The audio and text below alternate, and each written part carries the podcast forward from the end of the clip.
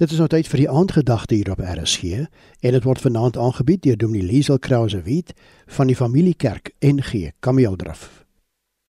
Soms voel dit of ons COVID-omstandighede net nooit gaan einde kry nie.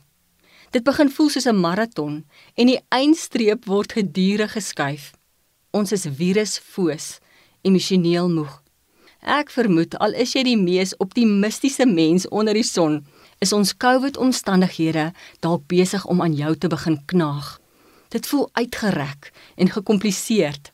Wanneer ek sien hoe swaar mense kry as gevolg van hierdie wrede virus, wil negativiteit my oorrompel. Feit is ons leef in uitdagende tye en mense raak makliker moedeloos en negatief. Dalk is dit nie die virus nie, maar iets anders wat jou gedurig in 'n negatiewe put gooi. Miskien is dit jou werk wat jou negatief maak, of jou huweliksmaat, of jou gesondheid, of jou kinders. Hoe keer ek dat ek nie in moedeloosheid verval of dat negatiewe denke my nie totaal en al oorrompel nie? Ek het Paulus se briewe weer gaan lees. Hy ken onuithoudbare omstandighede. Hy's verskeie kere in die tronk gegooi, gestenig, gegeesel en vir die dood agtergelaat. Hy skryf in 2 Korintiërs 1 vanaf vers 3 aan God die Vader van die Here Jesus Christus kom al die lof toe. Hy's die Vader wat hom ontferm en die God wat in elke omstandigheid moed gee. In elke moeilikheid bemoedig hy ons. Daarom kan ons ook ander bemoedig wat in allerlei moeilikhede verkeer. Ons kan hulle bemoedig met dieselfde bemoediging waarmee God ons bemoedig. Die teks bevestig dat God hom oor jou ontferm. Hy gee om. Let op hoe spesifiek Paulus die ontferming van God aan sy vaderskap verbind. God is die volmaakte Pa wat vir jou sorg. Die woordjie bemoedig kom nie minder nie as 11 keer in hierdie teks voor.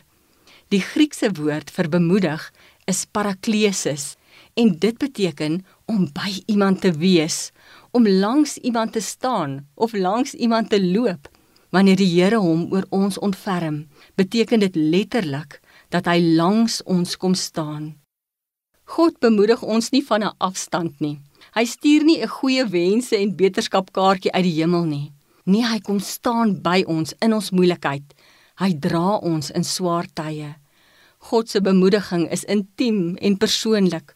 Hy fluister vandag diep in jou hart. Jy's nie alleen nie. Ek is by jou. Ek ontferm my oor jou. Paulus sê verder in die teksgedeelte: In elke moeilikheid bemoedig hy ons. Daarom kan ons ook ander bemoedig wat in allerlei moeilikhede verkeer.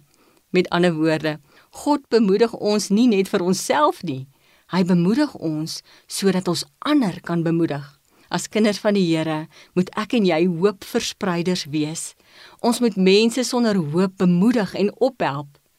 God bemoedig ons sodat ons sy hande en voete hier op aarde kan wees.